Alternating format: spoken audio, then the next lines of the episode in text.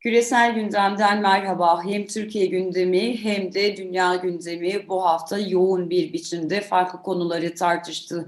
Özellikle Türkiye'de Montreux'e dönük tartışmalar, buna dönük bir bildiri yayınlayan eski Deniz Kuvvetleri komutanlarının gözaltına alınmaları, hem Karadeniz'e dönük Türkiye'nin projeksiyonunu, Kanal İstanbul'u, ABD-Türkiye ilişkilerine dönük sorgulamaları beraberinde getirdi. Bunun yanı sıra Türkiye'nin aslında denizlerde uygulamış olduğu politikada yeni bir dinamiğe mi geçiliyor sorusu yine akıllarda yer etti. Bu hafta Profesör Doktor İlhan Uzger'le birlikte Türkiye'de yaşanan son gelişmeleri ve bunların küresel anlamını ele almaya çalışacağız. Hocam merhaba, hoş geldiniz. Merhabalar, hoş bulduk.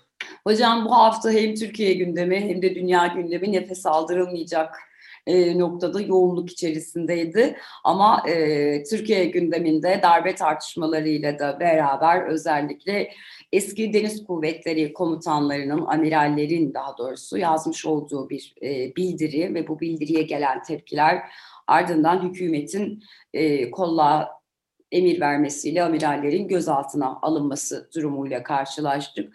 E, bu durum iç politikaya dönük bir şeyler söylüyor olsa da geldiği noktada Montreux ve Karadeniz'e dönük hem Rusya'yı belki kızdıracak ama ABD'ye de sinyal mi veriliyor denilecek bazı soru işaretlerine neden oldu. Siz bu durumu nasıl değerlendiriyorsunuz? Ee, bunu söylüyoruz ee, daha önceki çekimlerde de ben başka yerlerde de söyledim. Yani Türkiye'de şu anda hani iç ve dış politika diye bir şey yok. Hani dış politika iç politika için yapılıyor. Ee, iç politikadaki bazı gelişmeler dış politika amacıyla, dışarıya mesaj amacıyla yapılıyor.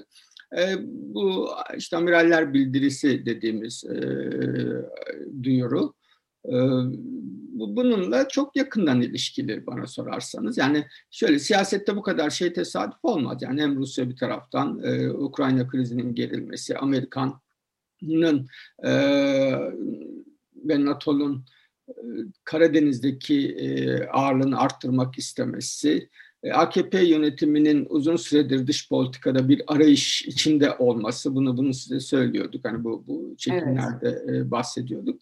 Dolayısıyla hani bir kapsamlı şey var burada. Hani Montreux tam da bu dönemde Montreux tartışmasının bana sorarsanız hani bilinçli bir şekilde açılması, bir zemin yoklanması, üstüne de amirallerin hani bildirisi ve buna gösterilen e, sert tepki e, dolayısıyla bunların hepsi örtüşüyor.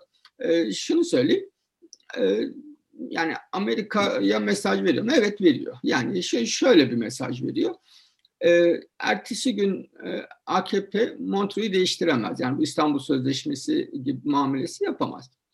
E, Montreux çok yerleşik. E, hani şu an yani kadın meselesi, kadın aile içi şiddet hani daha az önemli demiyoruz tabii ki ama ee, işte İstanbul Sözleşmesi'nden çıkınca bir iki yani Biden bir açıklama yayınladı. Ee, hayal kırıklığına uğradık. Avrupa Birliği bunu doğru bulmuyor dedi ama Montreux'dan çıkarsanız öyle olmaz. Hani burası e, kurtlar sofrası e, şu anda. Dolayısıyla da e, bu AKP'nin cesaret edebileceği bir şey değil. Ama şunu yapıyor, uyanık hani dedim ya dış politikada değil ama e, iktidarda kalma manevraları konusunda ustalık döneminde tabii ki bunların hepsini öğrendi. Yani siyasetin bazı böyle hinliklerini hani kibarca ifade edelim. Bunları anladılar. Hani neyi ne kadar e, götürebilirler, sınırları ne kadar zorlayabilirler falan. Ve bütün bunlar e, iktidarda kalma e, şanslarını e, ne nasıl etkiler? Bu, bu buna dair ha buralarda da hata yapıyorlar. Ama bu buna dair bazı şeyleri anladılar, öğrendiler. Sonuçta Erdoğan işte kaç tane Amerikan başkanı e, e devirdi yani bu şeyden o Bush'tan bu yana e, evet. baktığınızda. E, dolayısıyla da şunu söylüyor Amerika'ya. E, Montreux gibi hani çok sağlam, en sorunsuz, Türkiye'nin çok lehine hatta bölge dengesini kuran öyle öyle olmasa zaten şimdiye kadar oynanırdı. E, böyle bir sözleşmeyi bile ben masaya yatırabilirim. Yani sana o kadar yakınım ki yani senin yoluna o kadar e, girerim Başıma ki. koydum ki Rusya'yı bile karşıma alabilirim mi diyor. Gerekirse evet Rusya'yı tedirgin edecek. E, senin e, şeyini kolaylaştıracak, işini kolaylaştıracak bir hamleyi yapma ihtimalim var diyor. Yani bu da masada var diyor. Bunun anlamı şu değil. Böyle, böyle bunu bunu anlıyorlar. Ee, yani şu yani ertesi gün bir kararname ile Montreux'dan çıkamaz Erdoğan kolay kolay. Ha çıkar mı? Çıkar. Hani ne, neyi yapamaz dediysek yaptı ama hani e, Belediye ağır olacak. Büyük bir karmaşa getirecek düzenleme. Tabii. Şimdi küresel sonuçları etkisiyle e, çok. Ha çünkü bunu yapmaz. Çünkü karşılığında bir şey ister. Anladın mı? Yoksa hani başka bizi düşündüğü için bilmem ne. Yani Erdoğan'ın yaptığı herhangi bir anlaşma, sözleşme 80 yıl gidecek mi mesela 20 yıl içinde yaptığı herhangi bir anlaşma? Yani kendi İstanbul Sözleşmesi'ni yaptı 10 yıl dayanamadı. Kendi yaptığı sözleşmeden kendisi çekildi. Dolayısıyla da e, burada şey yani verilen mesaj aslına bakarsanız çok çok net ve Amerikalılar bunu anladılar. Onlar da işte elçilik bir şey yayınladı. Yani şöyle Amerika Vez Montreux'den memnun değiliz deme, demesine gerek yok. Zaten biliyoruz. Yani dünyadaki bütün denizlere Amerika e, şeyi e, savaş filosu e, rahatça girip çıkmak ister. Hani bunun bunun bunun için büyük yani Bismarck olmaya gerek yok. Hani bu, bu, bu zaten hani ortadaki bir şey. Yani bir, bir engel istemiyor. Yani hem zaten ticaret gemilerini zaten şey yapamazsınız. Hani dünyada evet, seyir sefer, sefer serbestisi var onların. Vardır. Temel ilkedir. Ee, bütün dünyanın işine yaradığı düşünülür falan her neyse. Dolayısıyla da onlar bu mesajı anladılar. Bunu AKP'nin kendini e, şeye Biden'a sempatik gösterme, kendini kurtarma ve hani çünkü paradigma değişikliğinin de farkındalar. Yani bir taraftan insan hakları yeni bir demokratik dalga başlatmak istiyor Biden, bir taraftan Rusya'ya sertleşmek istiyor. Erdoğan demokratik dalgayı tutup yani Edirne sınırında tutup e, Karadeniz'de gerekirse hani Rusya'yı kısmen gözden çıkartıp Amerika ile işbirliği yapmaya razı gibi görünüyor. Avrupa Birliği ile bunu yaptı. Hani e, belki oraya da kısaca hani gireriz. Yani çünkü bu dengenin öbür tarafını hani Türkiye-AB ilişkileri gibi bakmamak gerekiyor buna. Hani bu, bu teknik bir konu değil. İşte bilmem e, gümrük birliğinin güncellenmesindeki şu nokta falan değil konu.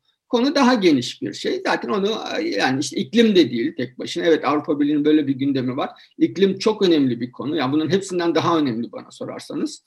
Yani bizim geleceğimiz, çocuklarımızın geleceği nasıl bir dünyayı bırakacağız bu, bu gidişle falan. Ama şu an yakıcı konular var hani kısa erimli. Dolayısıyla hani e, bu bunun bir yüzünde de hani Avrupa Birliği ile yapılan pazarlık var. Yani Batı ile şeyle Batı sistemi içinde Amerika ile Avrupa Birliği'ni birbirinden ayrıştırmaya çalıştı öncelikle e, diyebilirim. Hocam özellikle Avrupa Birliği ayağını çizdiniz. Ee, orada Avrupa Birliği ile bir anlaşma yapıldığını, daha doğrusu Türkiye'nin uzlaşmaya yakın olduğunu, buna dönük mesajlar verdiğinin altını çizdiniz. Ee, ki bu hafta e, Türkiye iki önemli isim ağırladı. Avrupa Birliği Konsey ve Komisyon Başkanı Türkiye'ye geldiler. Her ne kadar e, e, komisyon başkanına yetecek kadar koltuğumuz olmasa da e, bir görüşme gerçekleştirildi ama aslında alışık olduğumuz bir konu burada gündeme gelmedi. E, o da Doğu Akdeniz. Oysa Türkiye ile Avrupa Birliği arasında neredeyse son iki yıldır e, yaşanan e, gelişmelerin ilk maddesiydi Doğu Akdeniz. E, burada Türkiye ne yaptı da bunu gündemden düşürdü? Yani şöyle bir e, dönüşüm var Türkiye ile AB ilişkileri arasında. Yani uzun süredir aslında yeni de değil bu en son şeyde daha kristalize oldu e, son e, zirve kararlarında. E, konu Türkiye'nin AB üyelik süreci değil. Yani uzun süredir Türkiye e, AB'ye nasıl e, şey yapar, hani e, fayda sağlar, karşılığında ABD Türkiye'yi nasıl tolere eder? Yani bu eksen üzerine kuruldu. Yani bunun bu pazarlığın bir parçası, en önemli parçalarından biri, e, buradan işte şey göçmen akımını, sığınmacı akışını kesmek, bunları Türkiye'de tutmak. Karşılığında işte o ekonomik yardım da bir kısmı onu oluşturuyor pazarlığın. Avrupa Birliği'nin de Türkiye'yi e, yaptırım dışında tutması, şey yapmaması, insan hakları ihlalleri ve otoriterliğe kayış konusunda e, kaygı bildirme seviyesinde bir e, tepkiyle sınırlaması hani buna karşılık. Yani Türkiye'de e, bundan daha az otoriterlik varken Avrupa Birliği daha sertti Türkiye'ye e, karşı. Biz e, Avrupa Birliği, Ankara temsilcilerini, Türkiye temsilcilerini ezbere bilirdik. Şimdi hatırlıyor musunuz siz? Değil mi? Yani, yani kamuoyu biz AB Ankara temsilcileri çok önemli figürlerdi. Yani Tabii yüksek sesle komiser hemen bilinirdi yani. Tabii. Komiser gel günlerce yani, konuşulurdu. Yani çok tabii antipatik bulundu falan. Hani Kerem Fog'dan başlayarak falan böyle şeydi. Bunlar bilinen şey isimlerdi böyle Türkiye'yi çıkar eleştiriler falan. Bütün bunlar bitti farkındaysanız. Ee, tesadüf değil çünkü. Dolayısıyla da yani bir pazarlığın birinci ayağını hani sen bize burada karışma. Hani içeride biz hallediyoruz burayı. Ee, şeyde de e, biz de bu şeyi tutuyoruz göçmenleri. İkincisi Avrupa Birliği'ni çok e, memnun eden bir şey. Türkiye yani Erdoğan yönetimi AB üyelik sürecini hızlandırmıyor. Hızlandıracak hiçbir şey yapmıyor. Bu Avrupa Birliği'ni çok memnun ediyor. Onun için memnunlar Erdoğan'dan. Yani şöyle söyleyeyim. Demokratik o chapter'ları hani hükümleri yerine getiren e, ve AB üyelik sürecini zorlayan bir Türkiye'yi istemiyorlar. E, bu çünkü kendi tabanlarına, seçmen tabanlarına da muhafazakar hükümetlerin kendi seçmen tabanlarını da zorluyor. Avrupa'da işte hem göç hem de Türkiye'nin üyelik e, peşinde koşması, üye olma ihtimali Avrupa'da sağı güçlendiriyor. Bunun da farkındalar. Böyle bir ikilem var. O yüzden de AB üyeliği istemeyen bir Erdoğan'ı tercih ediyorlar. O yüzden memnunlar. Hani yani, ve en son noktada işbirliği yapıyorlar. Ve Erdoğan da uyuyor buna. Ee, bir, bir diğer boyutu da e, Doğu Akdeniz kısmı. Karadeniz'le eşit şey birlikte ele almak zorundayız bunu. Orada da hem Amerika ama Avrupa bile daha çok takıştı biliyorsun. E, özellikle Fransa ile. Dolayısıyla da Türkiye şeyi çekti biliyorsun. E, Antalya Limanı'na çekti. Hatta şöyle daha sloganvari söylüyorum bunu. E, Mavi Vatan önce demirledi sonra hapse girdi. Evet ben de size onu soracaktım aslında hocam. Yani Türkiye'nin denizlere dönük politikası özellikle Doğu Akdeniz konuşulduğunda e, gündeme gelen bir konuydu Mavi Vatan. Nitekim bu kavramın isim babası Cem Gürdeniz'i e, ekranlarda sık sık gördük derdini kavramsallaştırmasını anlatmaya çalıştı ama aynı e, Cem Gürdeniz pazartesi günü gözaltına da alındı. Yani Mavi Basan dönemi bitti diyebilir miyiz bu noktada? Ben bunu daha önce söyledim. Türkiye tarihinin, yani burada mı söyledim, başka yerde de mi söyledim? Yani Türkiye tarihinin en kısa e, süreli e, doktrini oldu Mavi Vatan. Ee, yani böyle bir şey saman alevi gibi parladı ve bitti.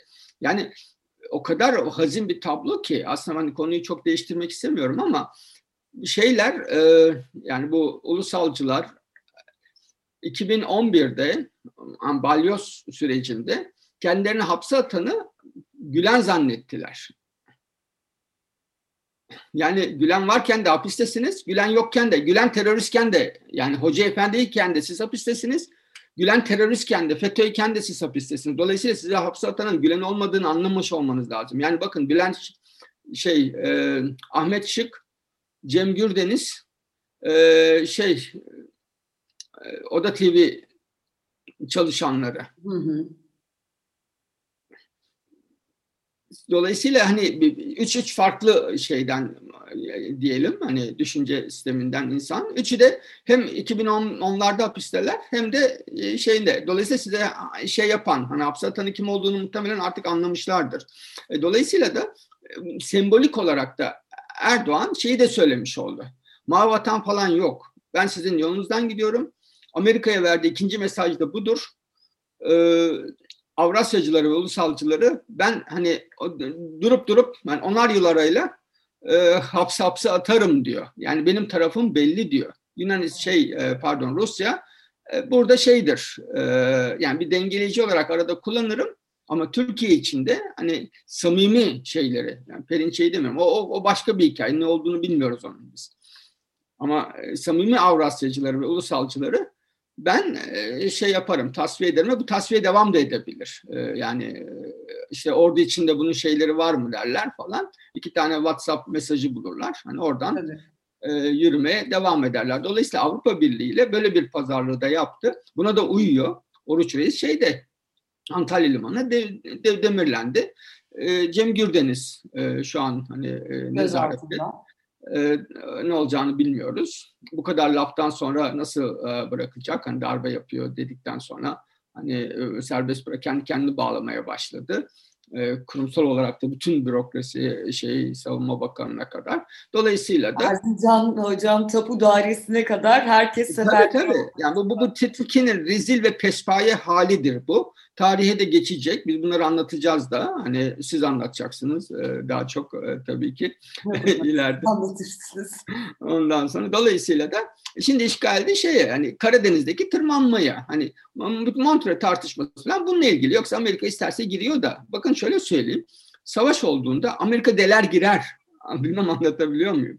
Yani bir bahane uydur. İşte yapıyor. Yani arıza oldu bilmem ne diyor. Kaldı diyor burada falan. Şey maliyeti arttırır. Şey şöyle düşünün. Bir Mart tezkeresi oldu. Bu Amerika'nın Irak işgaline engel olmadı. Yani kuzey ikinci cepheyi kuzeyden açmadı, açamadı Amerika. Gemileri geri gönderdi. Şeyi dolaşıp Süveyş'ten geçip şeye gittiler. Hani tekrar gidip Irak'a hani şeyden Basra Körfezi'nden hani e, girdiler. Dolayısıyla maliyeti arttırdı. Yoksa şeyi engellemedi. Montreal'de şey de böyle, bazılarda böyle. Evet, girip 21 gün kalıyor, çıkıyor, tekrar girmek zorunda kalıyor. Maliyetini arttırıyor. Yani incirliği kapatırsan da şey olur. Ma- maliyeti artar yalnızca. Evet, artar. Şey açar. Maliyet Evet. Dolayısıyla da hani mutlaka yaşamsal değil. Eğer bir sıcak savaş olursa da Montreux falan dinlemeyip e, şey yapabilir, e, girebilir. İkinci Dünya Savaşı'nın Almanlar da geçti bu arada. Belki herkes şey diyor ama e, yani sivil gemi diye gösterip üstünü kapatıp üniformaları çıkarıp geçtiler. Bazen söktüler Romanya limanında şey yaptılar, e, silahları topları takıp e, devam ettiler falan. Dolayısıyla bu başka bir şey ama Ha şu olursa böyle bir e, tırnak içinde kıyak yaparsa da hani favor yaparsa da e, şeye Montreux'u değiştirirse e, o, o zaten hani şey çok daha faydalı bir şey olur e, diyeyim.